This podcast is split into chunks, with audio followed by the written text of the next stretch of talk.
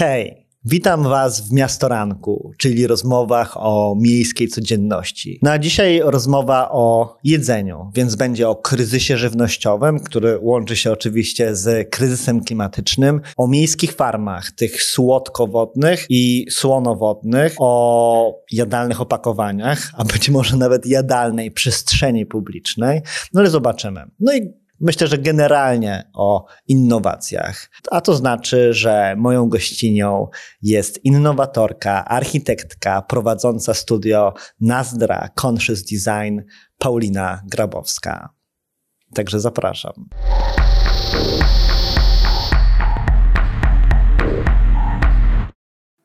Dzień dobry, Paulino. Dzień dobry. Z nami tutaj są też inni, jak widać, bo w naszym studiu dzisiaj nie jest ono w budynku wolno stojącym, tak. więc tym samym jakieś dźwięki budowy z wyższych pięter może być widać, ale mam nadzieję, że nam to nie przeszkodzi we wspaniałej rozmowie. Nadaje tempa po prostu tutaj, stukając młotkiem. To jest trochę tak, że wiesz, to jest nasza trzecia rozmowa chyba na tym tak. kanale. One są zawsze dla mnie przynajmniej przynajmniej te dwie, bardzo uzależniające, że ja zawsze dowiaduję się absolutnie czegoś nowego. Cieszę się, że widzimy się w tej formule, bo może nie będzie zawsze, przerywać, zawsze ale, zawsze, ale zawsze tak. jest jakaś przeszkoda. Coś się, musi, coś się musi pojawić, ale nie czuję jakiejś presji, że mhm. wiesz, że to musi być absolutnie wspaniała rozmowa, bo ja doskonale wiem, że po prostu taka będzie. No i też wiem, że musimy się widywać raz na jakiś czas, no bo jednak świat innowacji mocno galopuje. E, no i tą wiedzę trzeba na bieżąco aktualizować, no i informować o tym architektów, architektki, projektantów, projektantki, bo no, bo trzeba, prawda? Powiem ci szczerze, tak, to jest super w ogóle, wiesz, wyjść czasami, porozmawiać właśnie z, tak, wiesz, z home office tak naprawdę, e, który uwielbiam, ale, ale właśnie też jestem taką muszę powiedzieć, introwertyczką, jeśli chodzi właśnie o e, dzielenie się tym, nad czym pracuję, więc w ogóle super też, że się widzimy w końcu w studiu, w studio e, i, i że możemy sobie o tym teraz porozmawiać tak w cztery oczy. Tak, tak. Chociaż trochę ja, ja chyba tą formułę, ja się nie przekonuję, wiesz, strzeliłem tam 100 rozmów e, w wersji zdalnej, jednak ta formuła taka e, face to face zdecydowanie fajniejsza, wiesz, można sobie przerywać, tak. można, można tutaj bardziej rozmawiać, widzieć ten język gestów, który gdzieś za tym szklanym ekranem obciętym dotąd, no, tak. gdzieś tam, gdzieś tam, gdzieś tam unika, więc ja mam problem z tą pracą zdalną, tak okay. w ogóle jeżeli o tym mówimy. No ale dobra, nie o tym mieliśmy rozmawiać, bo rozmawiamy dzisiaj o, o właśnie innowacjach, o farmach, o żywieniu. Mhm. I pewnie też o edukacji chwilę porozmawiamy, bo to też jest bardzo ważne. No ale to myślę, że taki teaserek dla wszystkich, o czym ta rozmowa dzisiaj będzie. No ale to chyba na start możecie zapytać, co tam nowego w Nazdrze, nad czym teraz pracujesz? Eee, z nowych, fajnych rzeczy. E, biorę udział w bardzo fajnym projekcie unijnym też z SWPS-em i z miastem Warszawą odnośnie niemarnowania żywności. To jest taki wieloletni projekt. Będziemy mm, ja jestem w grupie zajmującej się e, pomocą restauratorom, w jaki sposób mniej marnować żywność, także wiesz, grzebiemy w dużej ilości w ogóle rozwiązań z IT, e, z zrozumieniem całego procesu, jakby od, odpady i ta cyrkularność jest już bliska mnie i też jakby też to praca projektantki wcześniej jakby fajnie się łączy z tym, bo mniej więcej rozumiem w jaki sposób te miejsca są projektowane, w jaki sposób działają, więc to jest taki ciekawy projekt interdyscyplinarny, bardzo życzowy, gdzie, gdzie faktycznie tutaj nie, nie wchodzimy już w takie spekulacje, które też są mi bliskie, e, więc to jest ta, ta rzecz. Pracuję teraz jeszcze nad, e, rozwijam cały czas farmy, tą, ten urban farming. Chcę wystartować teraz z, z własnymi takimi farmami, które będzie można sobie zamówić i używać, e, które będą pomagać e, hodować naturalne suplementy, czyli na przykład właśnie spirulinę, ale nie Polsce ten rynek suplement, suplemenciarski, że to tak nazwę. No właśnie, bo w Polsce suplementy oznaczają tabletki, które e, nie są lekiem i można je łatwo, łatwo kupić wszędzie, Tak, prawda? łatwo kupić i one faktycznie mają atesty do momentu wyjścia do sprzedaży, a potem nie ma pewności, że one mogą, że one działają. W zasadzie ten, jakby te, te normy odnośnie tego są bardzo, bardzo krzywdzące dla konsumentów. No i właśnie jest ten, ten plan, aby po prostu e, pomóc osobom hodować swoje własne naturalne suplementy, czy to for, for, w formacie mikroliści, mikroalg, czy też w, dalszym, w dalszych etapach być może grzybów, ale to jest dość skomplikowany temat mm, akurat z nimi, ale właśnie do doprowadzenia do tego, aby mm, mieć programy, czyli jeśli mamy problemy na przykład z depresją, czy, czy mamy na przykład kobiety przechodzą ciężkie PMS-y, czy też mamy jakiś bardzo stresujący e, tryb życia i na przykład faktycznie nie jesteśmy w stanie, wiesz, sobie do odpowiednią ilość substancji odżywczych dostarczyć, czy ta dieta, dieta w ogóle jest uboga, e, no to właśnie w tym celu będą powstawać te farmy, które też dodatkowo dają ci taki, e, taką taki, taką formę jakiegoś takiego codziennego rytuału. Zależy mi, żeby to były e, około 20 minut dziennie, że tak naprawdę tyle musisz poświęcić na to, żeby sobie wyhodować e, swoje, swoją funkcjonalną żywność. E, to jest taka fair czas, że faktycznie czas. myślę, że jesteśmy w stanie na to znaleźć czas, te tak, 20 minut dziennie. Na, te, no. na ogrodnictwo takie domowe. Tak, tak. I to będzie połączone również z oświetleniem terapeutycznym, czyli będzie oświetlenie dla roślin mhm. i też y, dla ludzi i w momencie właśnie opieki nad y, tym swoim ogrodem, ogródkiem, ogrodem w zależności od skali, to też dodatkowo się doświetla wyświetlamy, czyli faktycznie wiesz, mamy substancje odżywcze, ale też sobie poprawiamy samopoczucie i regulujemy rytm dobowy. Ale to podobne światło lubią rośliny jak i ludzie? Jesteśmy podobnie zorientowani świetlnie? Mm, wiesz co, z, z tego światła, które nam jest potrzebne, rośliny tak naprawdę potrzebują e, części spektrum, Mhm. Więc e, można tak zrobić, że dla niektórych roślin faktycznie to oświetlenie, które jest dla nas, e, dla roślin też jest, e, dla, przez rośliny też jest wykorzystywane, ale będą głównie dwa źródła światła, żeby to, tego nie mieszać, bo w zasadzie my nie będziemy potrzebować przez 8, 8 godzin korzystać z tego światła, więc nie chciałabym wykorzystywać tak dużej ilości energii, więc zminimalizować to. Czyli w momencie opieki mamy to oświetlenie dla siebie, a w momencie, znaczy opieki nad tym naszym uh-huh, ogródkiem, uh-huh, a w mhm. momencie, uh-huh. kiedy, kiedy tego nie robimy, mamy tylko te spektra, które są e, dedykowane roślinom i faktycznie obcinamy, wiesz, ilość energii wykorzystywanej przez takie farmy. Już od początku jestem totalnie zaskoczony, więc wiesz, tutaj już, już, już puchnę tą wiedzą, ale tak sobie myślę, że faktycznie musimy sprowadzić przynajmniej początek tej rozmowy do tego, że mm, to, o czym będziemy dzisiaj rozmawiać, to czym się zajmujesz, jest związane bardzo mocno z bardzo różnie rozumianą żywnością. Tak, Prawda? tak. Dobrze, dobrze myślę. Tak, i też właśnie wiesz, taką dokładnie z żywnością, z samopoczuciem. Mm, ten projekt taki nazywa się Mood Farming, czyli właśnie wiesz, hodowanie nastroju. także, także tak, to jest to. No i też żywność jakby mm, odpady żywności też są dla mnie niezwykle ważne. Jest kolejny projekt, który jest dla mnie bardzo, bardzo ważny w takim stadium badawczym. E, te badania współprowadzę z taką profesor Lorenzi. Mhm. Jest nad bioelektroniką i wykorzystujemy odpady żywności, w ogóle żywność do tworzenia e, ogni fotowoltaicznych, baterii, które w zasadzie można zjeść, jeśli chce, a na pewno są wiesz, w pełni kompostowalne, czyli e, zanim na przykład e, te odpady organiczne trafią do kompostownika, zakładamy, że trafią, i na przykład będą wykorzystywane w formie nawozu, czy... Ja myślę, że montują tam farmę miejską. Możliwe, po prostu, wiesz, tak. To są przygotowania, przygotowania do tego. No tak, dokładnie. Um, to jeszcze gdzieś pomiędzy tym łapiemy po prostu te odpady i jesteśmy jeszcze w stanie z nich, e, z nich stworzyć jeszcze faktycznie baterie i te ogniwa, ogniwa solarne i to jest, e, to jest super właśnie mm, niezwykła dziedzina tak naprawdę gdzieś tam pomiędzy wiesz, cyrkularnością, regeneratywnym e, projektowaniem, a też, też, też, też elektryką elektryką, elektroniką, na której się nie do końca znam, a chciałabym się, wiesz, tak cały czas się tego uczę.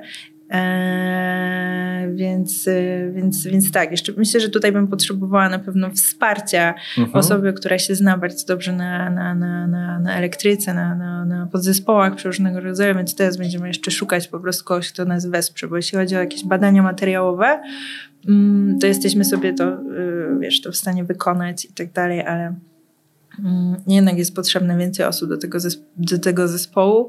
No i się zastanawiamy, co z tym zrobić, bo to jest, wiesz, taki stricte póki co projekt badawczy.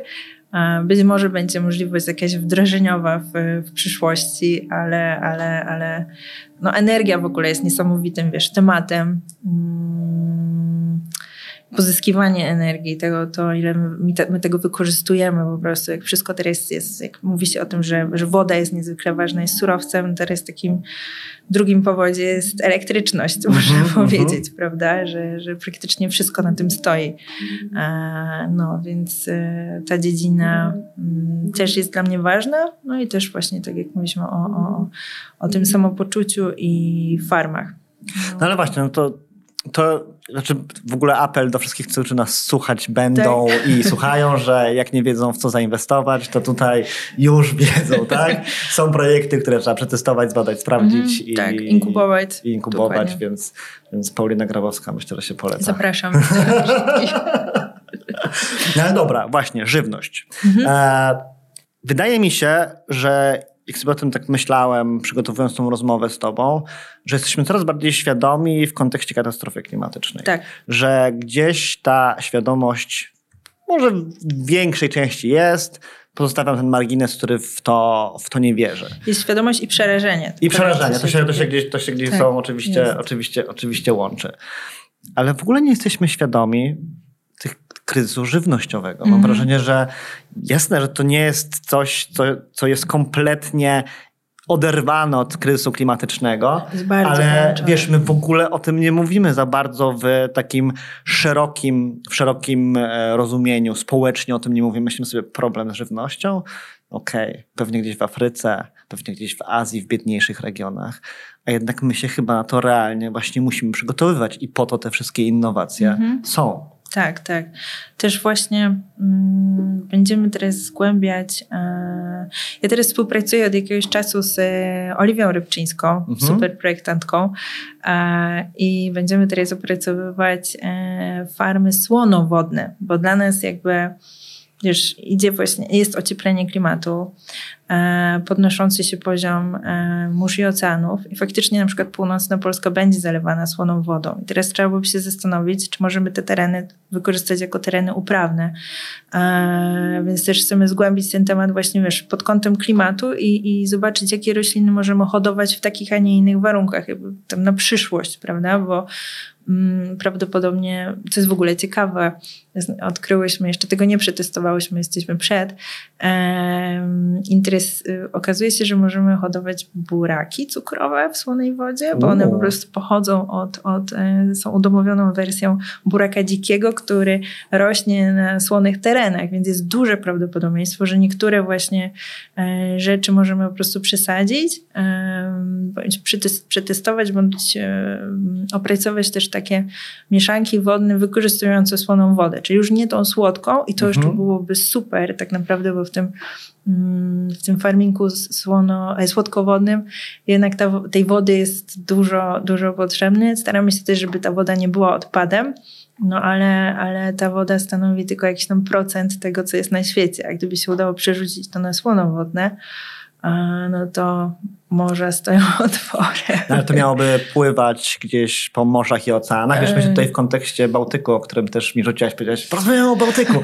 No Bałtyk jest kocham Bałtyk, ale okay. jest to strasznie zanieczyszczony zbiornik jest, wodny, jest, prawda? Jest. No mamy, mamy, ponoć Polska jest jakimś takim najgorszym w ogóle trucicielem Trudno, bałtyckim. Nieładnie, nieładnie. Nieładnie, brzydko. I to jest właśnie rolnictwo i właśnie spływanie tych wszystkich e, nawozów. Mhm. E, do Bałtyku. W zasadzie tutaj mamy, co też jest wykorzystywane, mm, można to wykorzystywać do, do hodowli alg, które tak naprawdę ten fosfor i azot z tych nawozów są w stanie po prostu przetrawić, e, oczyszczając wodę tym samym też z, z dwutlenku węgla, które w ogóle zakwasza ją niesamowicie. I jakby my mamy problem na świecie z zakwaszeniem, e, z zakwaszaniem w ogóle mm, oceanów i mórz, przez to jakby spada pH na łeb, na szyję, niszczą się rafy koralowe, zwierzęta po prostu też, też, też mamy po prostu, pro, jest, jest bardzo duży problem raz z, z tym, żeby zwierzęta, które są przyzwyczajone do jakiegoś stałego pH,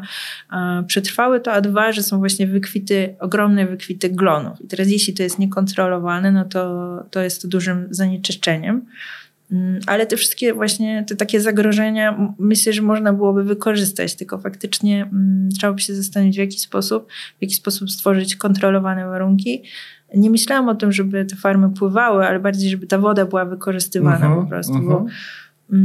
Jednak to środowisko morskie jest trudne, prawda? Że jakby coś jeszcze pływało, postawić. No właśnie, też myślałem potem, jak to wpływa na cały ekosystem pod spodem, tak, prawda? Tak, Zabiera nie. dostęp do światła słonecznego tak. i pewnie to powoduje tak, też, tak. też jakieś problemy. Więc bardziej po prostu, wiesz, mhm przeciąganie wody i wykorzystywanie tej gdzieś w tych, w tych rejonach, w których to nie będzie wpływało negatywnie na, na to właśnie środowisko morskie.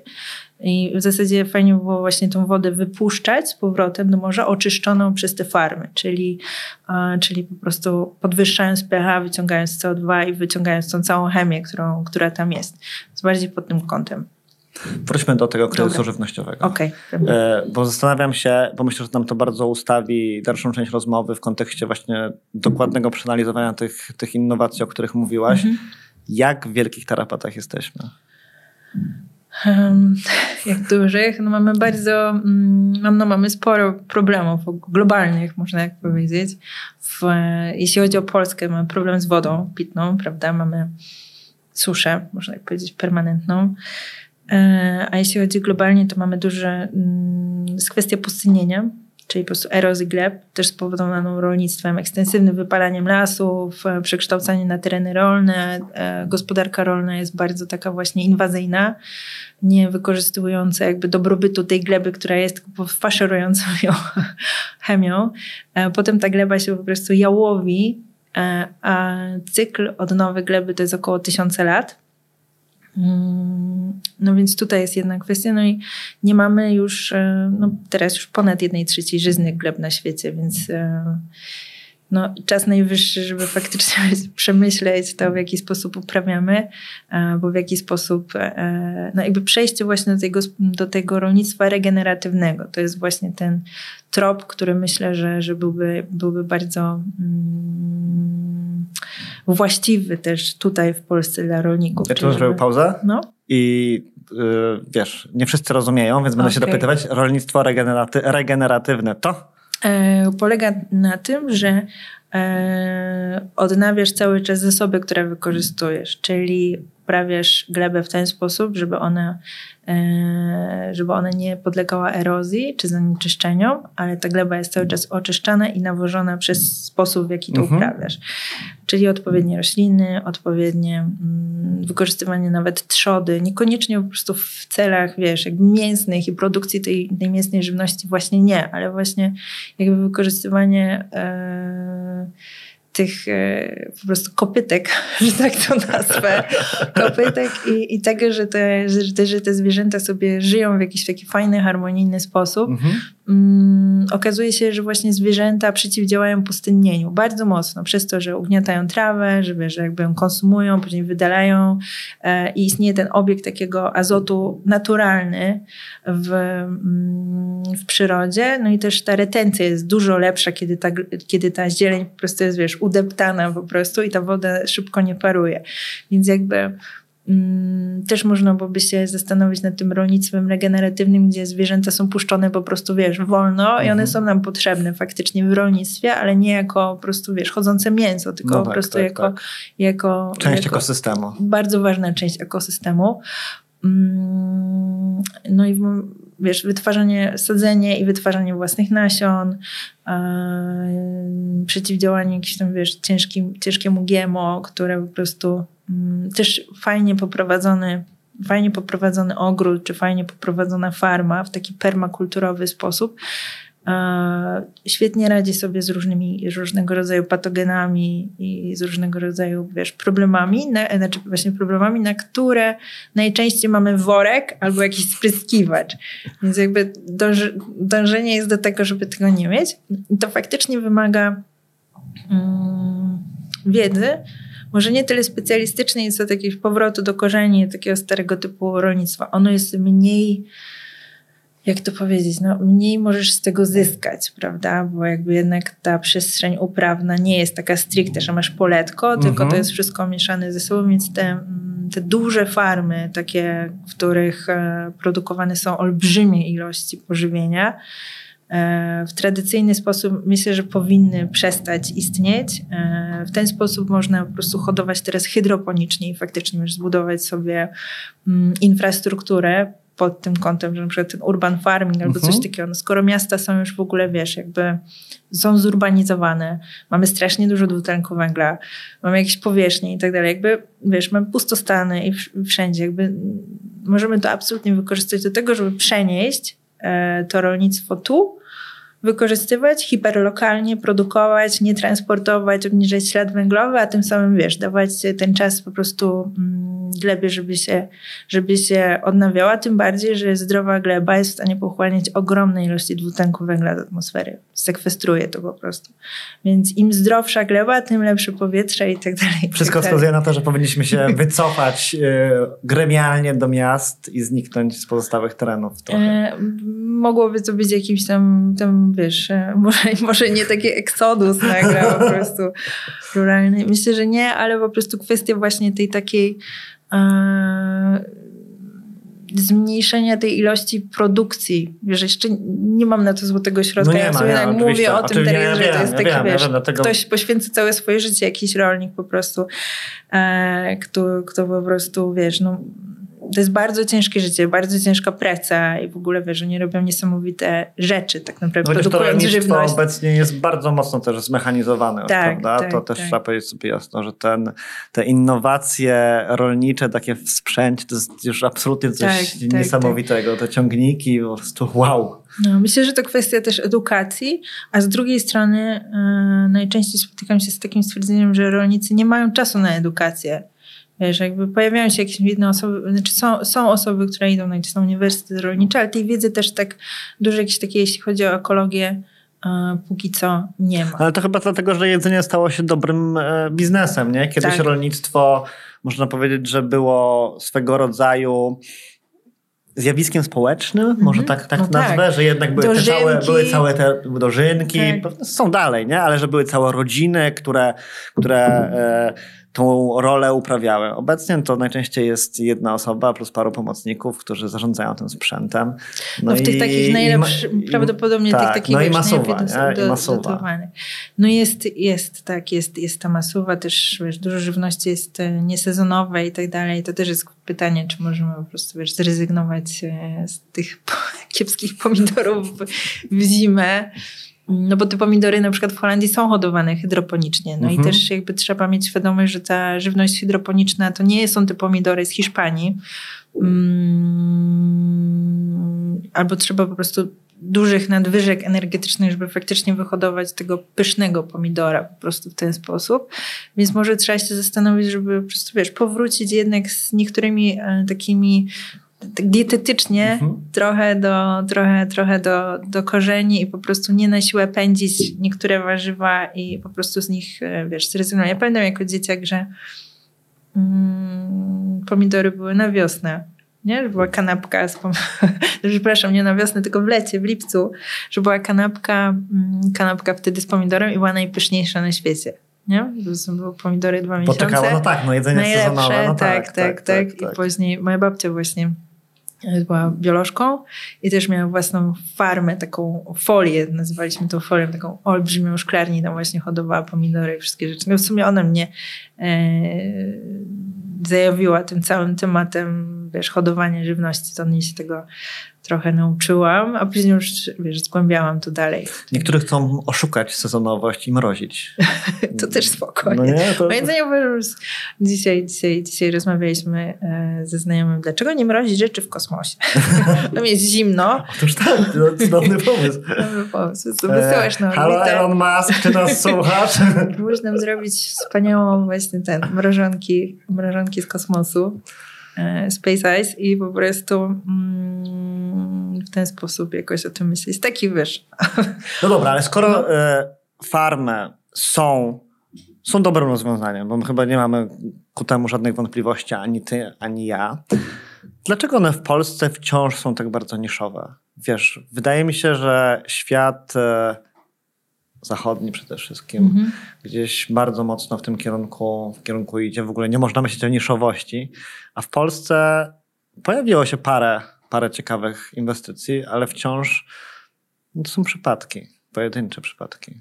Mm. Ja to tak odbieram. Chyba, że coś mi teraz pokaże, że jednak Polska jest inna w tym zakresie. Wiesz co, to jest kwestia ceny, bo e, te koszty początkowe są dość duże, prawda? Żeby stworzyć tą całą technologię, chociaż ona już, e, infrastruktura jest coraz tańsza, mm, jest coraz więcej specjalistów, i faktycznie teraz już można budować, na przykład teraz można pojechać do Gliwic, do Good Place i tam na przykład spróbować mikroliści, które są hodowane na miejscu w restauracji. Niebawem będą tam e, grzyby, a w piwnicy powstanie farma hydroponiczna właśnie dla ziół, różnego rodzaju sałat i też, też, też e, roślin zielonych.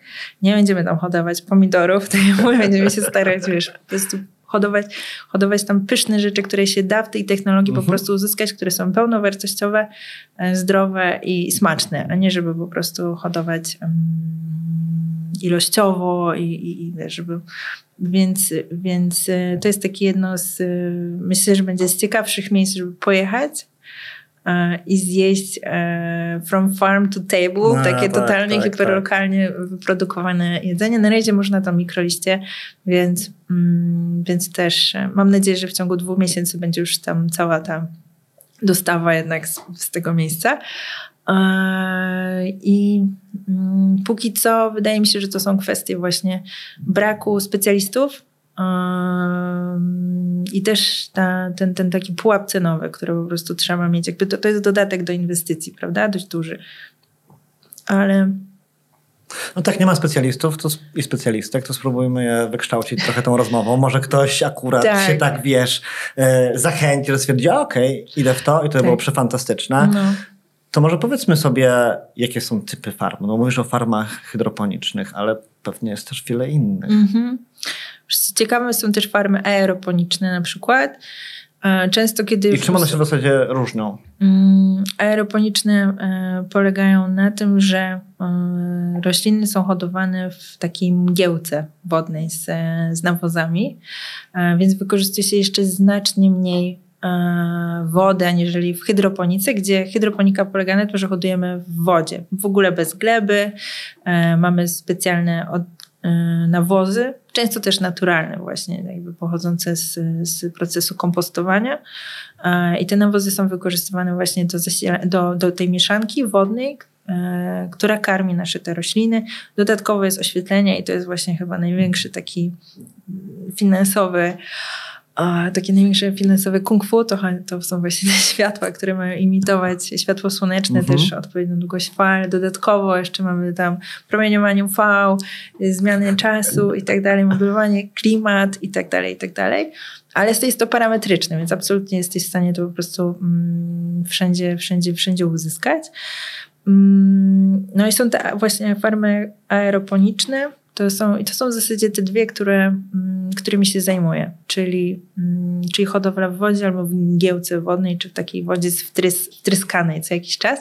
Plusem farm e, aeroponicznych jest to, że możemy tam hodować też rośliny bulwiaste, których nie możemy w hydroponice. Mhm. Na przykład możesz właśnie tego buraka w słonej wodzie, właśnie w takiej farmie aeroponicznej, czyli tutaj byśmy wykorzystywały właśnie słonowodną aeroponikę,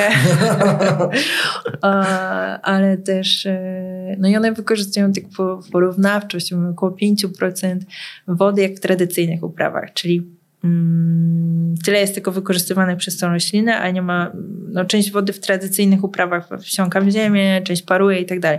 Co też jest ważne, bo zachowujemy ten lepszy po prostu, wiesz, obieg wody w przyrodzie, ale z drugiej strony, jeśli chodzi o, jak mam bardzo mało wody, to to jest bardziej efektywne, prawda? Że, że, że faktycznie e, to jest to, mm, mi się wydaje, bardzo fajne, bardzo fajne rozwiązanie, więc aeroponika. Którymi z tych farm jesteśmy w stanie wyżywić całe miasto? Wyobrażasz sobie taką wizję?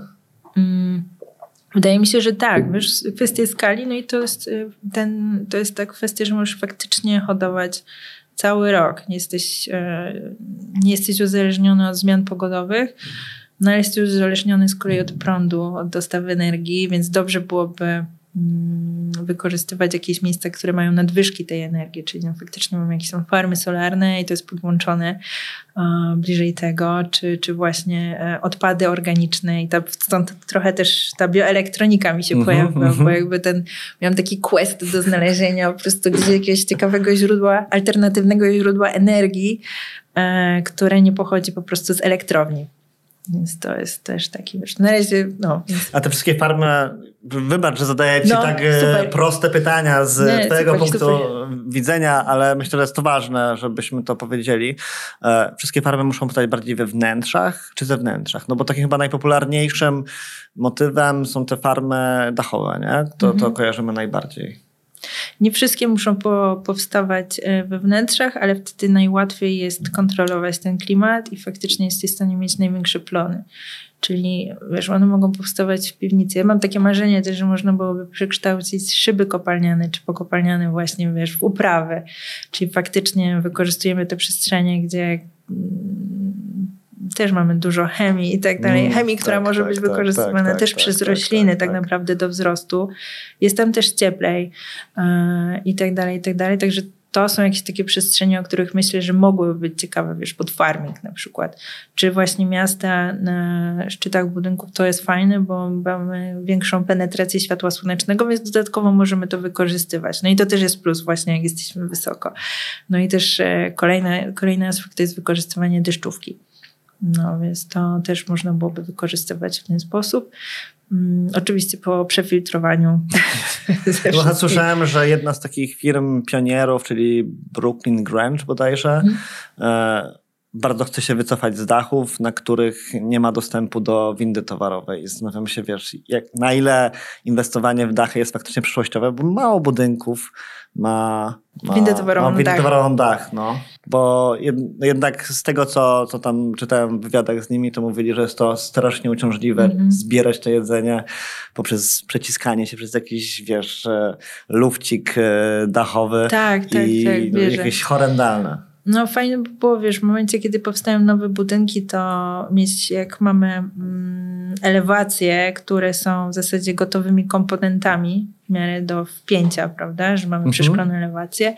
Ciekawe byłoby też to, żeby po prostu mieć takie komponenty far, farmiarskie, można powiedzieć, że elewacja jest złożona już po prostu z takich klocków, których możesz uprawiać i co jakiś czas odbywa się zbiór zbiór. Zbiórek, zbiór. Dokładnie, ale wiesz, jakby dodatkowo, czyli mamy ten aspekt y, wykorzystywania tej, tej, tej po prostu też powierzchni bardzo często te, mm, te szyby w biurowcach przeszklonych, one są powlekane przeróżnego rodzaju e, powłokami, żeby odcinać promieniowanie, że mają, wiesz, przegrody, żaluzje i tak dalej, i tak dalej. Bardzo dużo jakichś takich komponentów plastikowych też jakby, mm, lub wiesz, te powłoki też są dość, dość skomplikowane w nałożeniu i też robimy jakiś niepotrzebny być może kompozyt później ciężki do, do recyklingu, a tutaj moglibyśmy mieć takie, wiesz, naturalne przysłony po prostu z, z roślin uprawianych na miejscu. Nie, to byłoby absolutnie wspaniale. Także, wiesz, to, wiesz, trochę to... pogrubiamy, ale ja też widzę termicznie... Taki, widzę po prostu wprowadzenie nowych standardów architektonicznych, e, prawo budowlane, co tak. trzeba zrobić, żeby powstawały, żeby powstawały nowe budynki. No, absolutnie... czyli tak, wiesz, południowa elewacja, po prostu trochę grubsza, ale może też tam będzie można gdzieś wejść, wyjść, jakby to też może No, a wiesz, a może naturalnymi przestrzeniami, które jakby nie patrzeć, kiedyś staną się e, puste, oprócz tego, że mamy dużo pustostanów, -hmm. to są te parkingi wielopoziomowe, prawda? No tak. bo jednak e, rewolucja w świecie motoryzacyjnym się dzieje -hmm. i mhm. myślę, że no, może nie za rok, może nie za dwa, ale może za 15-20. Ten car sharing i to takie małe autka, które będziemy się przemieszczać autonomicznie, myślę, że może nie będą jakąś super rzeczywistością, ale no, na pewno będą znacznie bardziej. Mają być obecne. latające taksówki, teraz już się inwestuje. Słyszałem, słyszałem, latające taksówki. Do 10 tak. lat, także to będzie mega ciekawe. Czyli wtedy oddajemy, wiesz, e, dachy na latające taksówki, a przejmujemy piętrę niżej pod farming. Myślę, że tak, już każdy... To takie modernistyczne trochę, nie? Mhm. Jednak. Tak jak te tunele pod e, Las Vegas chyba tak. samochodów, nie? Tak, tak, albo, no dokładnie. Ale będzie taki fajny. Właśnie czekam, aż Jetsonowie w końcu zaczną istnieć bardzo zaczną istnieć. Aczkolwiek najbardziej czekam na taki, taki ten portal przejściowy, że oni wstawali rano, jeszcze zespani, z kubkiem kawy przychodzili, byli od razu ubrani i gotowi do wyjścia. To by było idealne. Absolutnie wspaniałe. Też I zawsze to samo ubranie i właśnie... Tak, tak. Portal taki. Właśnie no to, to bym bardzo, bardzo byłoby super. Nie, no ja, ja, ja, ja, ja też. I takie ja wiesz, drzwi wejściowe do domu, gdzie po prostu jak wychodzisz, to jesteś ubrany akurat tak na wyjście, a wchodzisz z powrotem i jesteś cozy ogólnie. To było super. Także jakby jakiś producent drzwi chciałby, mm, szukał pomysłu na... No, ale my to dużo pomysłów rzucamy tutaj. Tak. No jakby to jest rozmowa pełna, pełna potencjalnych innowacji, tak. pełna zysków, bo przecież oczywiście nie obiecujemy, że tego będzie zysk, no ale to są dobre pomysły dobre po. Pomysły, a to jest Paulina Grabowska, tak? No to jakby... Łukasz szyb, dobre pomysły. szybko rejestrujemy patenty dokładnie, i jest. No. Dokładnie. Właśnie to jest e, no, niesamowite jest to, ile energii jest i ludzi, i zasobów potrzebnych, żeby w ogóle coś urzeczywistnić, nawet małą rzecz, więc no, ostatnio właśnie a propos tych, tych, tych farm, mhm. jakby mm, ten etap projektowania jest niezwykle przyjemny i w ogóle, ale jak już wchodzisz w taką produktowość, jakby zastanawianie się z jakich materiałów albo czym te farmy mogą być w przyszłości, jak się już stwierdzisz, że to nie jest dla ciebie, bo jednak po prostu jednak wolisz te tapsy, które są wiesz, jakby z Allegro czy coś, to jak wykorzystywać te farmy w domu, żeby to, żeby to nie stało się po prostu jakimś takim, jest to będą po prostu na, w większości też naczynia użytkowe i tak dalej po prostu, mm, Ciekawa, ciekawa ceramika, którą będzie można też wykorzystywać po prostu w domu. Jeśli stwierdzisz, że farming nie jest dla ciebie, po prostu jesteś w stanie też myślałam, żeby jakieś farmy mogłyby stać się później jakimiś drapakami dla kotów i takie, wiesz... Jakby... Ale tak, taki proces e, Taki proces przemiany. Tego, to jest, myślę, tak, że... Tak. Bardzo ciekawe tak, to czyli było, że nie? coś się może stać w domu, jak coś wiesz, zmienisz po prostu swoje potrzeby, zdarza się. E, więc jeśli chcesz to rozbudować, to możesz, ale jeśli chcesz się tego, jeśli chcesz zrezygnować, to jak najbardziej możesz po prostu albo, albo sobie to zostawić, wykorzystywać inaczej, bądź oddać z powrotem, a my się po prostu zajmiemy redystryb redystrybucją, co też byłoby jest bardzo ważne. No i też, no, więc tutaj takie myślenie. Wiesz, Nie, jakby. to jest bardzo, bardzo, bardzo ważne myślenie też z punktu widzenia oczywiście no, klimatu i ponownego wykorzystywania i ponownego tak, i ponownego. Tak, tak. Nie ma nic gorszego niż wiesz, wyprodukować z, wykorzystując masę energii i zasobów jakąś rzecz, która jest jednorazowa. Tak. Więc to jest też jak kminimy nad jakimiś tam jadalnymi opakowaniami. Tak, opakowania, jak to ma wyglądać? O, reny, to są przeróżnego rodzaju właśnie ciekawe materiały. Póki co sporo, jak widziałam, ze spiruliną. Mhm. Mm, czyli też jakby mm, testujemy takie, mm, powiedzmy, kompostowalny, no nazwę to plastik. Mhm. E, ale który jest po prostu nie tylko, że, nie tylko jadalny, ale też jest właśnie pełen substancji odżywczych, więc może być tak, że, że wiesz, coś, co jest opakowane w to opakowanie jest mniej odżywcze niż to opakowanie. To też by było... To by było super, no. Dokładnie, więc... Tak mogłoby to zbalansować troszeczkę. Dokładnie, zbalansowany posiłek. E, prostu... Zjedz coś niezdrowego w środku, Dokładnie. ale chipsy potem... i a mega, potem... i sałatka w opakowaniu po prostu. Dokładnie, chipsy, no to jest, no, taki to jest dobry poziom kontroli. Jakby po... ceny, ceny, wiesz, wywozu śmieci w Polsce Mają... cały czas rosną, rosną, A, no tak, rosną. rosną. Tak. No to wiesz, myślę, że ludzie jedliby. Może no. przestaliby palić. Może tak. O Jezu, to by było takie no. super. I na przykład, wiesz, te opakowania można by było po prostu dezynfekować wysoką temperaturą, czyli na przykład y, zrobić je też substancje, które przetrwają ten proces obróbki cieplnej, dezynfekcji, no bo jednak jakby opór przy opakowaniu, które mamy spożyć jest taki, że że ono przechodzi przez duży proces produkcji i tak dalej, wiesz, stoi gdzieś tam Cały tak ten proces, rozumiem, logistyczny, tak, wszyscy tak. tego dotykają. A my teraz jesteśmy mm, bardzo, bardzo niedotykalscy. Bardzo no. niedotykalscy, więc tutaj jeszcze właśnie wiesz, zastanawiamy się w jaki sposób e, jakby naturalnie w domu zdezynfekować coś i faktycznie to wykorzystać, albo przynajmniej jako, jako jakiś fajny nawóz, czy, czy, czy, czy coś takiego. Więc no, dużo fajnych jakichś takich, wiesz, rozkmin po prostu jak e, A łączy się z Z tak naprawdę. żeby to jednak miało po prostu, żeby to było tak jak mówiłam o tym rolnictwie regeneratywnym, żeby te rzeczy też mogły po prostu, wiesz, mhm. działać w różnych, e, w różnych miejscach, też jakby tworzyć własne zasoby w domu, mm, odnawianie, to wszystko po prostu dużo fajnych, ciekawych pomysłów i prac mamy teraz.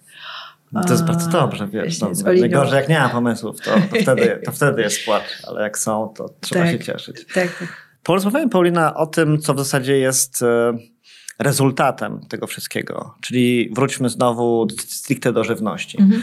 I jest po, ukute takie pojęcie superfood, mhm. które też e, propagujesz. Powiedzmy sobie, czym ono jest. E, to, są, to, są, to jest żywność, która jest bardzo bogata w substancje odżywcze i witaminy. W sobie ale to są takie rzeczy, którymi moglibyśmy się tylko i wyłącznie odżywiać? Niekoniecznie. To jest po prostu z, z bardzo z, um, mają niską kaloryczność, mhm. a wysoką ilość witamin i substancji odżywczych. Czyli nie jesteś w stanie się tego tym e, najeść. E, a jeśli chciałbyś się tym najeść, to możesz też osiągnąć jakiś poziom zatrucia tymi substancjami, bo, bo na przykład jest takim superfoods jest e, spirulina. Mhm. No i my jesteśmy w stanie jeść e, powiedzmy tak ważąc 70-75 kg, około dwóch łyżeczek dziennie tego. Uh mhm. -huh. I to jest superfood, no ale dwa dwie łyżeczki to super mała kaloryczność.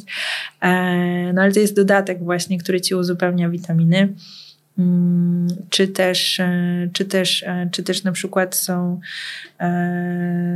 czy mikroliście na przykład. Ale są... to wynika, przepraszam, hmm? się tutaj wtrącę, wynika z.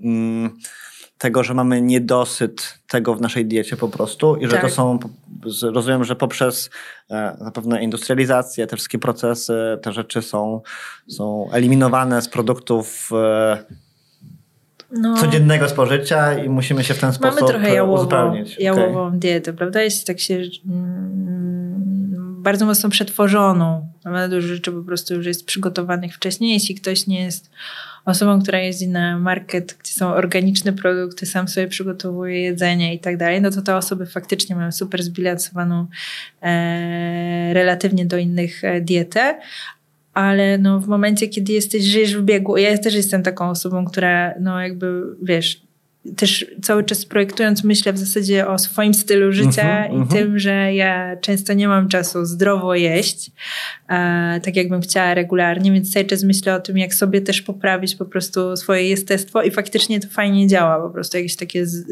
y, dodawanie sobie odpowiednich substancji odżywczych właśnie w formie, czy to są, czy to są mikroiście, które są jakby tak, wiesz, małymi roślinkami, które wykorzystują siłę napędową e, z nasiona jeszcze cały czas. Nie potrzebujemy w ogóle im wlewać żadnych nawozów i tak dalej, więc to też jest super, są mega organiczne. Po prostu, jeśli masz dobrą wodę, to na to możesz to hodować. E, no i one są taką skoncentrowaną wersją dużej rośliny, czyli to znowu jest właśnie też, nazywa się, też się na to mówi superfoods, no bo jesteś w stanie zjeść dwie garście, a zyskać tak jakby zjadł nie wiem, dużą, dużą, dużą roślinę czy coś takiego. Więc jakby to superfoods e, niekoniecznie jest, e, nie wyżywi całego świata, ale bilansuje bardzo fajnie, wiesz, dietę, posiłki i te mikro i makroelementy, które mają duży wpływ na nasz nastrój, mm, na samopoczucie, a my mamy, wiesz, coraz więcej osób po prostu z jakimiś tam stanami lękowymi, z depresją, zagonionymi, e, odwodnionymi i tak dalej, i tak dalej. Jakby nie chcę dramatyzować, ale wiesz, nie, jak no, jest. Ale, ale, są... jest. ale jest z czego, jest po co, ja I, inaczej, jest, są powody do dramatu, no tak, bo są, prawda? No. Czasami tak i czasami mamy te dni, prawda, że super dbamy o siebie i mamy ten czas i w ogóle, ale, ale czasami są te dni właśnie, gdzie jesteśmy tacy po prostu, że wiesz o co chodzi. No i właśnie to jest superfood i, i, i te rzeczy są z myślą właśnie o takich, takich, takich osobach. Nie hołdując oczywiście temu stylowi życia, mhm. bo jakby rozwiązanie na jakiś problem bardzo często potwierdza ten problem. Czyli a dobra, problem może być, bo mamy rozwiązanie, czyli jakby status quo jest zachowany. Bardzo często tak jest, jest nie? Tak, Więc jest, tak, jakby tak, jest, tak. też jakby nie chciałabym hołdować oczywiście, wiesz, jakby hardkorowemu stylowi życia, ale bardziej propagować e, może przejść właśnie przez to domowe rolnictwo, też te 20 minut takiego, takiego czasu trochę właśnie od dbania o siebie i też jakieś takie może, też jeśli ktoś byłby wtedy zainteresowany jakąś edukacją w związku z tym i tak dalej, zrozumieniem jak to wpływa na jego ciało, chcemy też stworzyć w tym celu aplikację, gdzie po prostu jakby dopasowuje cię do twojej wagi i tego, co chcesz uzyskać, po prostu rzeczy, które, e, które będziesz, e, które, które się powinno hodować i będą te rzeczy też działać działać na zasadzie właśnie subskrypcji, że możesz sobie, wiesz, mhm. dostawać e, regularnie po prostu e, dostawę tego, co, co, co, co, co będziesz potrzebować. Żeby to było jak najbardziej, wiesz, takie, żeby ci nie zaprzątać głowy za bardzo. No i też właśnie siedzimy i testujemy o Jezu, podłoża do tego, do tej farmy, e, takie, żeby nie trzeba było ich wyrzucać. E, no nie każdy ma kompostownik, więc wiesz, jakby zakładając, że, że każdy ma, to byłoby idealnie, ale nie ma. Jeszcze nasze mieszkania są, nie, nie każdy, wiesz, ma wielki, wielki ogród czy coś takiego. No więc właśnie testujemy jeszcze podłoże, które można wykorzystywać e, no, na paręset razy na mhm. przykład. To też jest taki, wiesz, no. no to jest fantastyczne, że ty to wszystko wiesz, ale też powiedziałaś tutaj e, słowo klucz, które wydaje mi się bardzo ważne w kontekście projektantów, projektantek, architektów, architektek, czyli edukacja. Tak. Jak ten poziom wiedzy myślisz w tym środowisku wygląda? No bo jakby nie patrzeć, ty zajmujesz się tym z punktu widzenia projektowego, prawda? I znowu powiedziałeś, że brakuje specjalistów i specjalistek, ale jak bardzo to jest wręcz poszukujemy tego bardzo mocno. Wiesz, no, jakby, ja poszukuję no. bardzo osób, które się, które się zajmują takim miejskim rolnictwem albo, mm, albo też biotechnologią, czy też e, funkcjonalnym żywieniem. E, specjalistów, którym można było, wiesz, opracowywać fajne rozwiązania. Mm, i, i, albo też, wiesz, w ogóle realizować te farmy we wnętrzach, że jakby Wydaje mi się, że popyt już jest większy od podaży w tym momencie. Mm, więc faktycznie no, to są takie niszowe zawody w tym momencie, taki miejski rolnik. A, więc, więc faktycznie no, nie ma tych szkół też, które uczą tego. No właśnie, czego ty uczysz w School of Farm? Myślę, że to jest taki... Właśnie farm. No więc właśnie, więc może wiesz, to będzie jakaś taka podpowiedź dla studentów i studentek, a może też wykładowców i wykładowczyni. Mm E, różnych, że stwierdzą, a może ja to a? sobie włączę do swojej agendy, może się w tym podszkole, no Pewnie. bo jakby temat, jak mówimy, tak. jest niezwykle istotny. Jest, jest bardzo, wiecie, no właśnie projektanci, projektantki super, że po prostu podążali tą ścieżką takiego e, taką biościeżką powiedzmy. e, no, a w School of Form e, właśnie mm, prowadzę różne przedmioty, między innymi właśnie z, znaczy przedmioty, projekty bardziej niż przedmioty. Nazywam to ogólnie całość takim biodesignem, mhm. Mm, no ale między innymi właśnie uczę projektowania farm i hodowania własnej żywności, no i taki jakby scenariusz jest bardzo na, na przyszłość, że nie uczymy się pro, projektować super high-endowych farm, gdzie wszystko jest absolutnie dostępne, tylko wyobrażamy sobie sytuację, gdzie jest naprawdę kiepsko, nie mamy zasobów, e, ogólnie nie ma żywności i tak dalej. I teraz zrób z niczego farmę i wyhoduj żywność. I naprawdę hodujemy na dziwnych rzeczach, budujemy farmy z różnych jakichś takich, e, składamy to wszystko i tak dalej, i tak dalej. Także są w ogóle, wiesz, ciekawe jakieś takie... Mm, też studenci bardzo fajnie wymyślają właśnie jakieś rury, jakieś dziwne zbiorniki. A to prawda, im więcej przeciwności, ten, ten proces kreatywny jest jeszcze mocniejszy. Nie? Tak, to, tak, tak, tak. tak, tak no działa. dokładnie. No i rosną te rzeczy I, i, i fajnie to wygląda też insektami, też e, część... Ale macie tam laboratorium, prawda? E, mamy taki mały labik. Mhm. Może to nazwę labik udało się stworzyć tylko w zeszłym roku. Mamy takie, w takiej jednej sali na samym końcu jest po prostu przestrzeń, gdzie, gdzie mamy tam cały sprzęt, gdzie teraz powstała właśnie farma spiruliny i tam cały czas po prostu one się hoduje. Mamy też tam farmy hydroponiczne wewnątrz.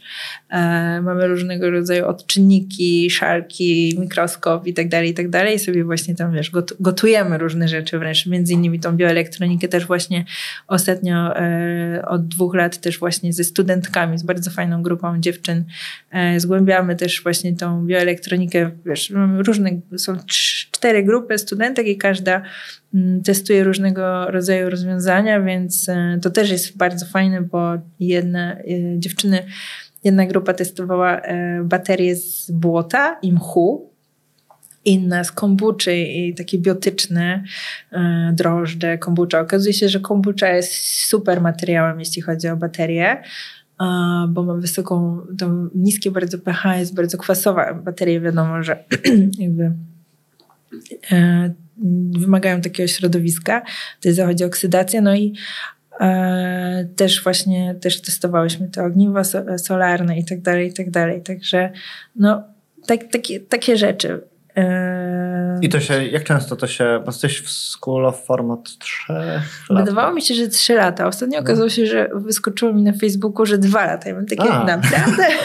Mam świecie mm, Ale myślisz, że to się przełoży na jakieś, nie wiem, zgłoszenia patentowe i tego typu rzeczy? Um ja tam nie chcę wiesz, wchodzić w zawiłości, jak to potem prawnie wygląda przez samą uczelnię, natomiast e, czy też do tego dążycie w jakiś sposób? Wiesz co, wydaje mi się, że jeśli chodzi o te pierwsze kroki, które chciałabym powziąć na uczelni, jeśli byłaby taka możliwość, to właśnie jakby stworzenie takiego prawdziwego biolabu, gdzie faktycznie wiesz, jest, że e, też zostają zatrudnieni e, wykładowcy, którzy są chemikami, mhm. biotechnologami, nawet wizytujący czy coś takiego, ale po prostu jakby mamy tą przestrzeń, żeby faktycznie wchodzić i eksperymentować, czy jakąś komorę laminarną, albo żeby faktycznie tworzyć materiały z grzybów, bo na chwilę obecną grzyby u nas no, nie są możliwe. Bo to środowisko jest za mało sterylne, e, a też możemy sobie szybko zakazić, wiesz, nie widzimy tych e, no, wszystkich rozumiem, elementów. Rozumiem, Także rozumiem. pierwszym etapem byłoby stworzenie faktycznie takiego, wiesz, dobrego laboratorium. Tam są fajne, ciekawe pracownie, które są komple- mogłyby być bardzo, są komplementarne do tego, mm-hmm. pracownie drewna, mm-hmm. ceramiki i jest kółka, którą można też wykorzystywać do gięcia różnych rzeczy i, i wiesz, mm, więc to byłby pierwszy krok i w tym momencie, kiedy mielibyśmy yy, fajne laboratorium, współpracę, otworzyć to też, yy, otworzyć to również na przykład z UJ, yy, na którym mam parę osób, z którymi bardzo lubię współpracować, jakby jesteśmy na jakichś takich początkowych etapach póki co, czy uniwersytetami rolniczymi, no to myślę, że tak. Myślę, że faktycznie moglibyśmy pójść wiesz, taką jednostkę badawczą, gdzie, gdzie, gdzie Mm, rozwijamy, gdzie współpracujemy po prostu z biznesem albo mamy, mm, zgłaszamy jakieś patenty i faktycznie rozwijamy to tam. E, a studenci, studentki są w tym momencie w takim labie bardzo często pomocą, po prostu jakby uczą się przy nie, okazji. To jest bardzo cenne doświadczenie, to w ogóle nie no, ma co, dokładnie. co, co, co zabierać temu, te, temu typu doświadczeniu. Tak, prawda? tak, no, ale tak, także, ale niestety na studentach e, Taki, takich rzeczy nie, nie można postawić. Nie, oczywiście, e, oczywiście to jednak musi tylko być jest coś... jednostka badawcza, mhm. a, a, a po prostu uczyć tego ludzi na miejscu. Właśnie to jest super, żeby właśnie takich, takich wiesz, wypuszczać projektantów i projektantki i też coraz więcej osób się E, zgłasza do mnie e, tak po prostu w formie konsultacji po prostu, że, że robią gdzieś tam projekt u kogoś, a dodatkowo także, także to, ten biodesign się coraz bardziej e, jakby jest też w świadomości też osób i coraz bardziej go potrzebują. Dużo osób eksperymentuje fajnie z materiałami, z odpadami. Mm, także ta szkoła daje fajne, fajne możliwości też mi się wydaje tutaj.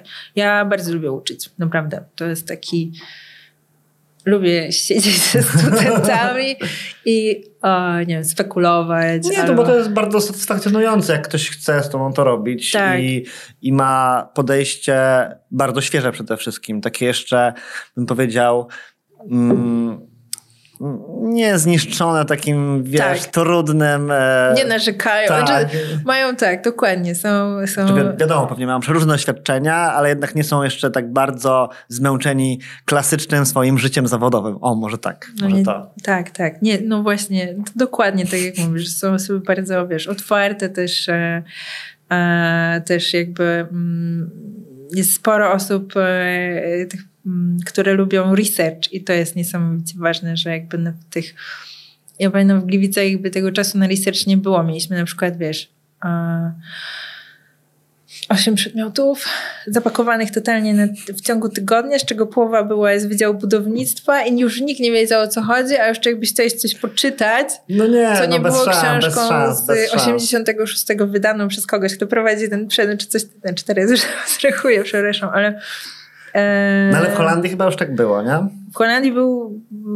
Że jednak to było zdecydowanie mądrzej podzielone. E, w Delft było tak, że miałeś jeden duży projekt i cała reszta się wokół niego kręciła i e, pierwsza część była poświęcona właśnie badaniom. Mhm. E, potem było prototypowanie, no i później już właśnie było to i te projekty ciągnęły się, były bardzo długie, były z, i też jakby konstrukcja, czy te części technologiczne były połączone z tym, co robisz, co robisz projektowo. Więc to było fajnie po prostu ten sylabus był dużo lepiej, e, dużo bardziej zbilansowany. Halo, polskie uczelnie, wiecie co robić już teraz. Zapraszamy do, do bilansowania sylabusów po tak, prostu. Tak, tak, tak. Że, tak. Że, że jakby...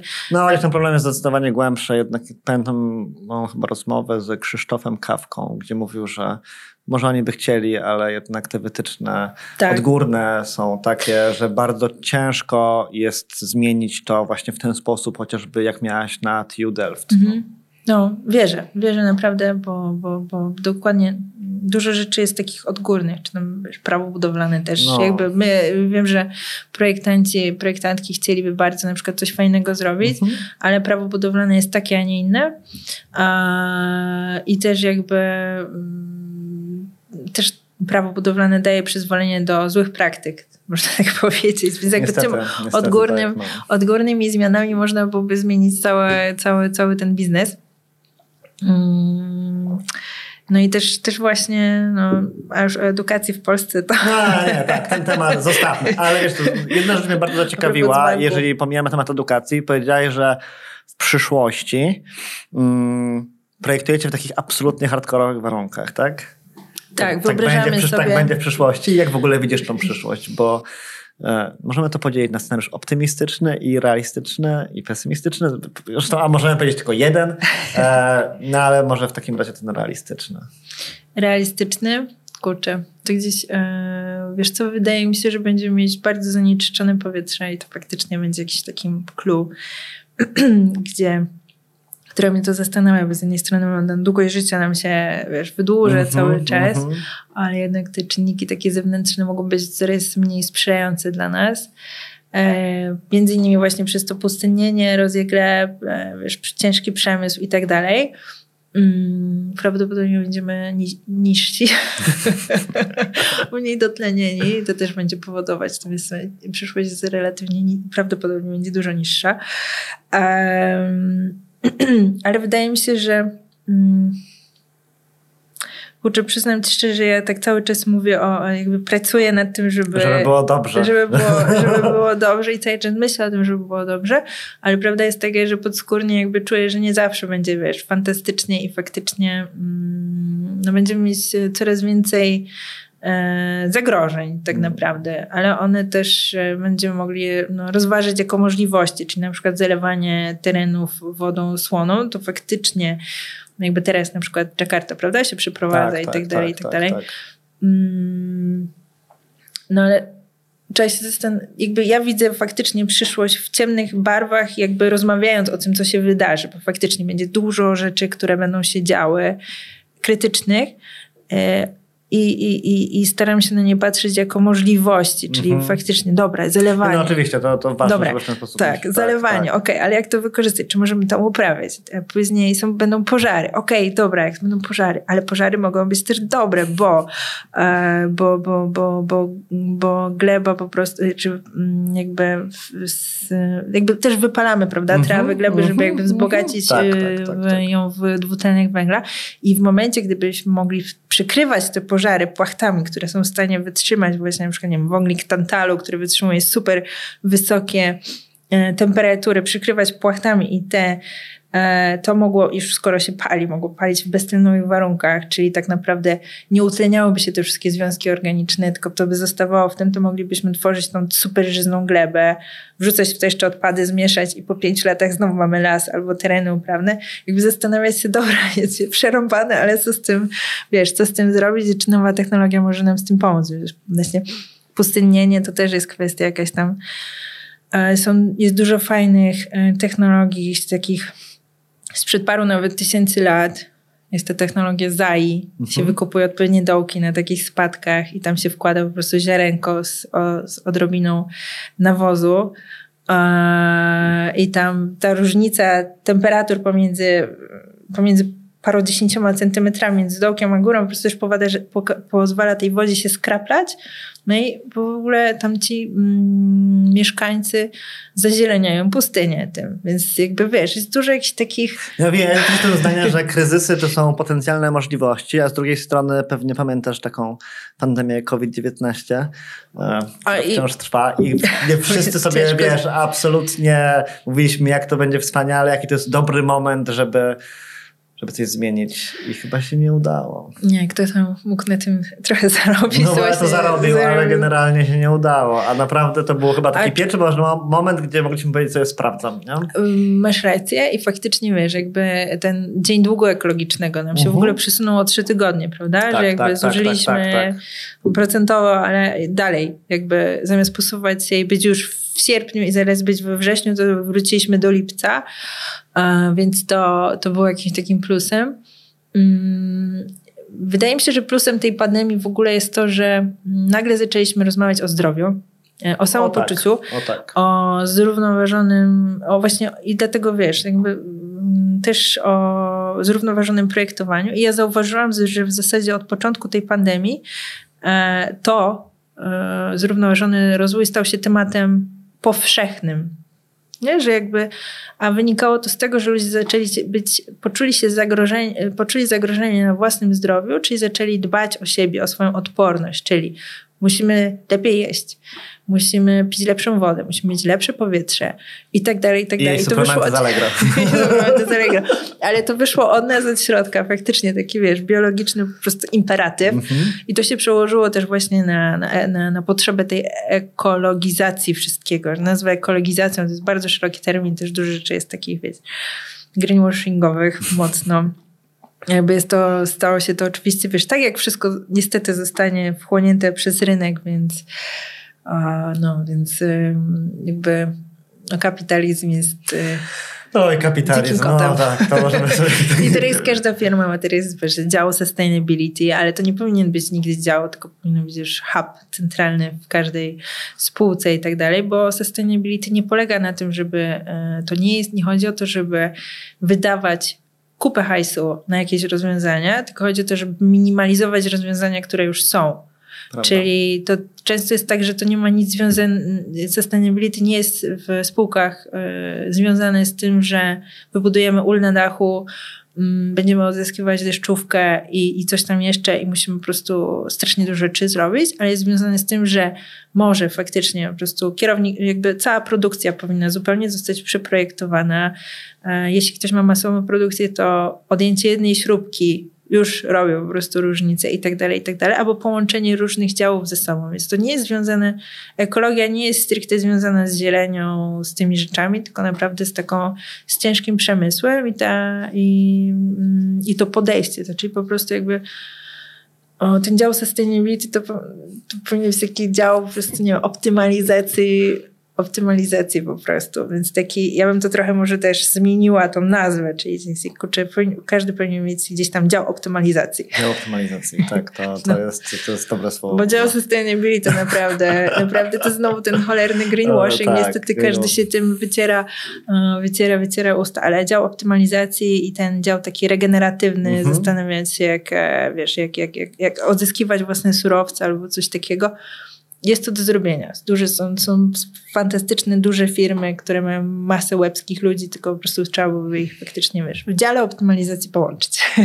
Tak, ale dobra, to dobra. wróćmy do takiej osoby, która chciałaby już teraz zacząć e, zmieniać swój świat i oprócz tego, co, e, co, co, co, co będzie mogła być może niebawem od ciebie e, zakupić pewnie wraz z aplikacją, którą pewnie już później. Mhm. To co mogłaby zrobić już teraz? Jak zacząć być takim miejskim farmerem bądź miejskim? miejską farmerką? Okej. Okay. Tak wiesz, ktoś chce, ktoś chce po prostu spróbować, czy jest w stanie to robić e, teraz, od razu. Okej. Okay. Mm. Już to najprostsze, co mogłabym poradzić dla kogoś, kto po prostu... Wziąć roślinkę i tutaj, żeby nie umarła. ja potem sprawdzić. Właśnie to jest ten problem z naszymi doniczkowymi roślinami. One pochodzą właśnie z trepy subtropikalnej. Praktycznie żadna nie jest jadalna, większość jest trujących, więc dlatego po prostu nikomu nie polecam. nikomu nie polecam nagle jedzenia własnych roślin w domu. A najprostsze do uprawy są, są mikroalgi, spirulina. Mhm. E, nawet jak zapomnisz o tym na dwa miesiące, nic się nie stanie. stanie. Muszę okay. po prostu trochę dolewać wody mhm. oczyszczonej, po prostu jakby zwykłym takim filtrem, że jak ktoś pije kranówkę Brita albo coś jak mhm. product placement. Ale, ale mm, wystarczy po prostu dolewać i, i, i to zapewnić, a w momencie, kiedy mamy ochotę, możemy sobie po prostu e, odżywić specjalną mieszanką, którą też można po prostu zakupić bądź samemu sobie ją stworzyć, co wymaga już więcej wysiłku, więc łatwiej sobie po prostu to, e, to ogarnąć. I, e, no i to jest w zasadzie taka po prostu pierwsza farma, którą absolutnie każdemu polecam do rozpoczęcia w domu. Wystarczy ci szklany, opak, szklany, szklany słój, parapet, okno z jakimś tam dostępem słońca i może być też pompka z napowietrzaniem e, włączana co jakiś czas. No i w zasadzie farma jest gotowa. I możemy sobie, wiesz, tą świeżą spirulinę po prostu mm, i potem po jednej, po tych dwóch łyżeczkach. Tak, tak? a świeża spirulia jest. też niektórzy się boją, że to będzie śmierdzieć, że mhm. to pachnie w ogóle rybą czy czymś takim. Absolutnie nie ma to zapachu. Jest lekko słone, no bo faktycznie wszystko co pochodzi, ale jest to taki słony, słony, mm, nie wiem, takie, nie wiem do czego to, taka słona papka tak słona naprawdę, papka. Mhm. która nie ma za bardzo smaku ani zapachu, więc, e, czy nie ma zapachu, więc więc to jest to. E, przepraszam. I e, wydaje mi się, że, że to jest taki, wiesz, e, taki starter, żeby to, żeby, żeby z tym zacząć. Też fajnym sposobem jest na takie właśnie kupujemy masę warzyw, prawda? Prawda. Tam jest masę pestek. Jest. Więc możemy też te pestki po prostu wykorzystywać i sadzić sobie swoje własne rośliny. E, I ja pamiętam mm, też, e, też wdzięczną rośliną do uprawy jest imbir. Jest w ogóle piękną mhm. rośliną, można sobie to hodować. E, też można sobie mm, stworzyć samemu proste farmy hydroponiczne. Mm, też one wymagają one tu już będą wymagać po prostu tego oświetlenia tych grow lightu, więc jakby wchodzimy w jakieś tam rozwiązania tak, tak technologiczne. Tak, tak, tak, e, ale, ale polecam wszystkim na pewno nie wykorzystywanie jakichś mineralnych, ciężkich nawozów, gdzie, gdzie, gdzie firmy produkujące nam próbują mówić, że do hydroponiki jest to niezbędne. Nie do końca jest dużo fajnych, organicznych rozwiązań. Też e, z chcę współpracować właśnie z taką pani, panią profesor z UJ, która, która zajmuje się bakteriami, grzybami i w zasadzie stworzenie takiej mieszanki symbiotycznej właśnie e, grzybów i bakterii dla roślin, która jest nawozem, czyli takie turboorganiczne organiczne rzeczy, więc, e, więc tak można byłoby zacząć. E, No ale tak jak powiedziałam, nie jeść swoich kwiatków. no i co, wierzymy, że tego typu podejście i jedzenie zrównoważone może uratować świat? Czy może? Może na, na pewno... Yy poprawić. To jest, wiesz, uratowanie świata jest ja wiem, bardzo... to jest takie patetyczne, takie po prostu... Uratowanie świata jest turbo, turbo złożonym, pięknym na pewno i poetyckim procesem, ale po prostu jest taką spiralą mm, rozłożoną w czasie, gdzie jest bardzo dużo, dużo, dużo różnych rzeczy, więc i w ogóle ratowanie świata. Jakby świat jest uratowany cały czas, wiesz, jakby siedzimy sobie tutaj, rozmawiamy, jakby nie jest źle, prawda? Mhm, jakby tak. To, że rozmawiamy o ciężkiej przyszłości, super, bo faktycznie dzięki temu, że o tym rozmawiamy, ta przyszłość prawdopodobnie nie będzie aż taka tragiczna, bo jakby ty wiedząc, że czekacie złe spotkanie albo coś takiego, to starasz się na nie nie iść, prawda? Czy coś takiego. Jakby starasz się, starasz się zachować jakiś tam poziom homeostazy i czuć się dobrze po prostu tam, gdzie jesteś. No jakby to wynika też z naszej biologii, więc jakby jesteśmy w bardzo dobrym momencie e, i, i, i mm, to, czy jemy zdrowo jest dla nas ważne. To jakby jeśli, jeśli się w odpowiedni sposób odżywiamy, to e, pomaga nam podejmować też właściwe decyzje jeśli ludzie są mm, wiesz, szczęśliwi i zadowoleni, są bardziej też samoświadomi, są w stanie mm, więcej czasu poświęcać na zrozumienie realiów tych, które jest i podejmować bardziej świadome wybory. E, też jakby codziennie robimy jakiegoś typu, e, wiesz, zakupy i tak dalej, więc też, też, też trzeba byłoby się po prostu, wiesz, zastanawiać skąd to pożywienie jest i tak dalej, i tak dalej. Mm. Więc jedzenie, jedzenie na pewno jest w stanie uratować bardzo, e, bardzo, bardzo wiele rzeczy, ale tutaj są potrzebne, wiesz, zmiany systemowe. Więc no jeśli chodzi o rolnictwo, jeszcze takie urban farming, jest to, jest to bardzo ważne rozwiązanie, które trzeba według mnie mm, wprowadzać i faktycznie dawać tym terenom czas na regenerację. Mm, ale póki, póki, póki jest przyzwolenie na inne praktyki albo nie ma tego poziomu edukacji, e, no to no to jesteśmy w jakiejś takiej... No, jakiejś takiej próżni. W jakiejś takiej, no. tak, tak, ale jakby... Też mi się, mi się najbardziej marzą no. jadalne przestrzenie publiczne, słuchaj. W sumie to było spoko, albo że wdychasz... Że wiesz, jednak te, chociażby ła, nie, ławka, której tak. też się dość szybko ta ważność kończy, no i potem to przetwarzasz. Tak, tak, obrabiasz sobie, możesz no. to po prostu zjeść. Sumie... I potem takie pogryzione miasto. Tak, tak, przy ten, takie właśnie, wiesz, e, ale to też jest ciekawe, bo na przykład jakby, e, jakby jest Neuralink, prawda, jakby tak, próbujemy tak, tak, zwiększyć możliwości własnego mózgu, ale są przy różnego rodzaju enzymy, e, trawienne, które byłoby ciekawe, żebyśmy sobie wszczepiali na przykład kolejny żołądek. Czemu nie? Wiesz, no, jakiś nie, taki... No oczywiście, że, oczywiście, że dlaczego wiesz, nie? jakby... Mm, kiedyś jedliśmy, ponoć ludzkość dwa miliony lat temu jadła głównie insekty, no bo nie mhm.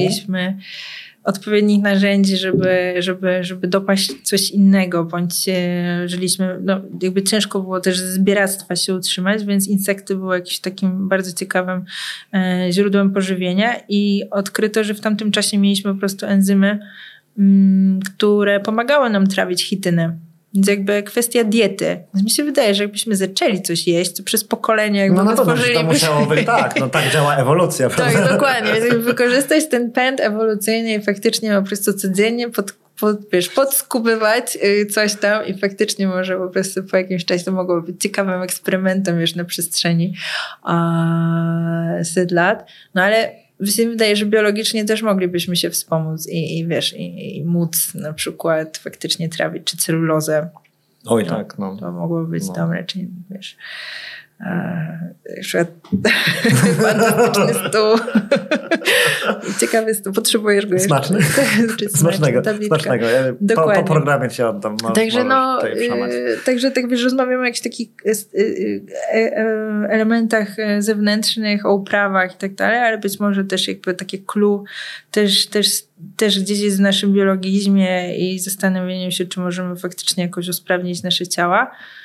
Mm, no nie wiem, no to już są faktycznie, wiesz, ciekawe, ciekawe Nie, to są, to są bardzo ciekawe zagadnienia, które pewnie zostawimy sobie na kolejną rozmowę. Myślę, tak że tak. myślę, że, albo właśnie, wiesz, ja się tylko doszkolę z tego, bo jeszcze tak Ale to y, zawsze klasycznie można to zapytać, skąd czerpać wiedzę na ten temat? Masz jakieś źródła, gdzie po prostu, oprócz oczywiście pójścia na uczelnię do ciebie na zajęcia, prawda? Zapraszam. Tak, a wiesz co? Mm, kurczę, ja czerpię wiedzę z tak wielu źródeł. Muszę przyznać, że głównie to są artykuły naukowe mhm. i ja po prostu się prze, przedzieram po prostu przez można powiedzieć, setki opracowań i to są, wiesz, takie żmudne poszukiwania po prostu danych, kompilacje tego wszystkiego, więc to. A czytałaś? Tutaj mam. Syntopie? Jeszcze nie. To jest w ogóle fantastyczna książka właśnie o jedzeniu, trochę zmęczona przeze mnie już. Mhm. E, jak, może, jak może uratować, jak może, jak może uratować już trochę świata faktycznie. E, ale ona też bardzo, bardzo ciekawie, bardzo ciekawie e, tłumaczy te, te aspekty i też tak pokazuje tak naprawdę, mhm. jak przez dekadę, przez wieki ten proces jedzeniowy się się zmieniał, więc... Czy jest architektką też. I jest architektką, no właśnie, więc bardzo mocno, więc ja ci to polecam. I to też nie jest lokowanie produktu, żeby mi się skojarzyło, że gdzieś tam leży na półce, tak. więc... no i też chciałam polecić w ogóle e, dla mnie niesamowitą w ogóle skarbnicą wiedzy są jest e, YouTube i po prostu twórcy. Jest bardzo dużo wynalazców na świecie. O jest, po prostu. jest, to jest w ogóle piękne. No. Tak, i ta w ogóle ta, ta, y, ta ilość tej, tych rzeczy, które tam jest, tej wiedzy po prostu. No to daj swój ulubiony kanał. O, może o tak. O Boże. Nie mam jednego ulubionego kanału. Naprawdę musiałabym po prostu dać kompilację polubionych wideo, bo są wiesz, różne osoby. Stwórz na swoim profilu na YouTubie playlistę i tak, tam będziemy tak, sobie zaglądać pewnie. Tak, tak. Mogę tam, wiesz, tam są naprawdę kiepskie jakości, e, jakości i to są naprawdę meandry internetu, ale, ale są, e, jest dużo fajnych twórców, które po prostu, dlatego też e, dużo rzeczy okazuje się, że są, są proste, bo można coś zbudować faktycznie w domu, czy, mhm. czy, czy coś takiego. Mm, dzięki, dzięki nim. Więc ja mam takie połączenie trochę takich właśnie e, trochę tak wiedzy, wiedzy, jakby testów i własnych testów, znaczy mhm. inaczej, wiedza z YouTube'a przetestowana, sparowana z hardkorowymi no, naukowymi artykułami. naukowymi artykułami i, i, i jakoś tak, I wiesz, jakoś, i oto, I oto są niektóre... I tak powstają pomysły. I tak powstają pomysły, dokładnie. Także zachęcam. Myślę, że to całkiem ciekawa metoda, godna, godna przetestowania, jak najbardziej. Tak, tak. Ja też obiecałem, że cię zawsze będę pytać pod koniec naszej rozmowy, jak twój instytut, o którym tak mi kiedyś powiedziałeś, że marzysz, że będziesz mieć Instytut Pauliny Grabowskiej. -hmm, tak, jak tam przygotowania? Dobrze. E, ponieważ e, tak się długo zastanawiam, jak to zrobić i teraz, wiesz, jakby opowiadaliśmy sobie o tylu, o tak kilku rzeczach, którymi się wątkach. Mhm. tak, wątkach, którymi się zajmuję e, i zajmujemy się też właśnie z Oliwią i mm, i, I to wszystko jest pod jakimś takim właśnie, wiesz, parasolem Nazdry i tak sobie yy, ostatnio myślałam, że faktycznie Nazdra fajnie, żeby została takim hubem właśnie, wiesz, tym taką, to jest wiem, dział optymalizacji. Będzie to dział optymalizacji taki też połączony z nauką, ale będziemy teraz robić sobie właśnie te odnogi związane właśnie z różnego rodzaju produktami, z projektami badawczymi i tak dalej, i tak dalej. Czy będzie pod tym parasolem, yy, pod tym parasolem Nazdry yy, wiele różnych projektów projektów, czy, czy, czy właśnie mm, realizacji. A najlepiej właśnie wiesz, tak jak mówię, szukamy po prostu miejsca z elektrownią wodną gdzieś w Polsce, gdzie można by było taki instytut też sobie, wiesz, przy okazji zbudować i faktycznie, wiesz, tutaj tą jakąś taką fajną, nie hardkorową elektrownię wodną, która faktycznie nie niszczy tych, wiesz, rejonów i tak dalej i, i, i i mieć tą energię, tak jak powiedziałam, energia jest tu kluczem, kluczem do tak, tak wielu po prostu rozwiązań, więc fajnie byłoby móc ją mieć właśnie z takiego źródła.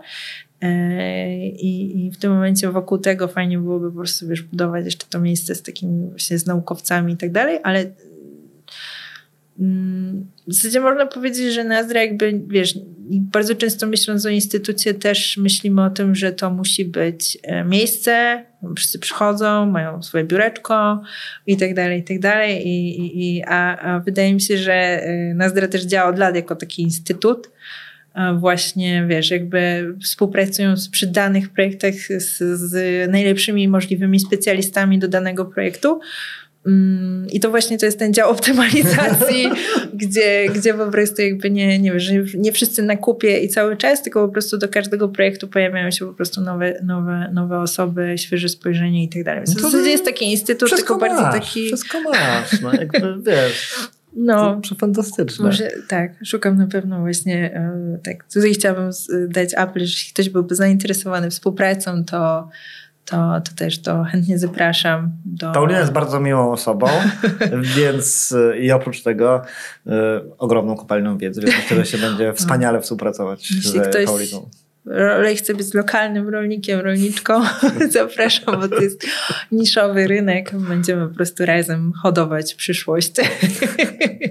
Dokładnie. To myślę, że to, to tym, tym akcentem musimy skończyć, żebyśmy hodowali, hodowali przyszłość. No ja ci oczywiście życzę, żeby wiesz, pomysły przechodziły te fazy testowe, no i wdrożeniowe oczywiście, żeby dało się to sprawdzać, jak to działa mhm. i ostatecznie, żeby to były dobre pomysły, bo pomysłów to ci generalnie nie brakuje, tak, tak prawda? Tak. Więc myślę, że z tym to problemu absolutnie Myślę, to jest, to, jest ten, to, jest, to jest ta kwestia, że po prostu pomysłów jest strasznie dużo. Tak, ale potem znaleźć I, i potem się okazuje, znaleźć. Tak, tak, ale potem się okazuje, że one się fajnie jeszcze komplementarnie bardzo często znajdują gdzieś, więc, więc ale tak, tak, tak. No, super rozmowa, ale dzięki. Ja też e, bardzo, bardzo mi było miło, więc e, no i do kolejnego razu. do kolejnego. To dziękuję. Dzięki. Dzięki. Dziękuję. Cześć.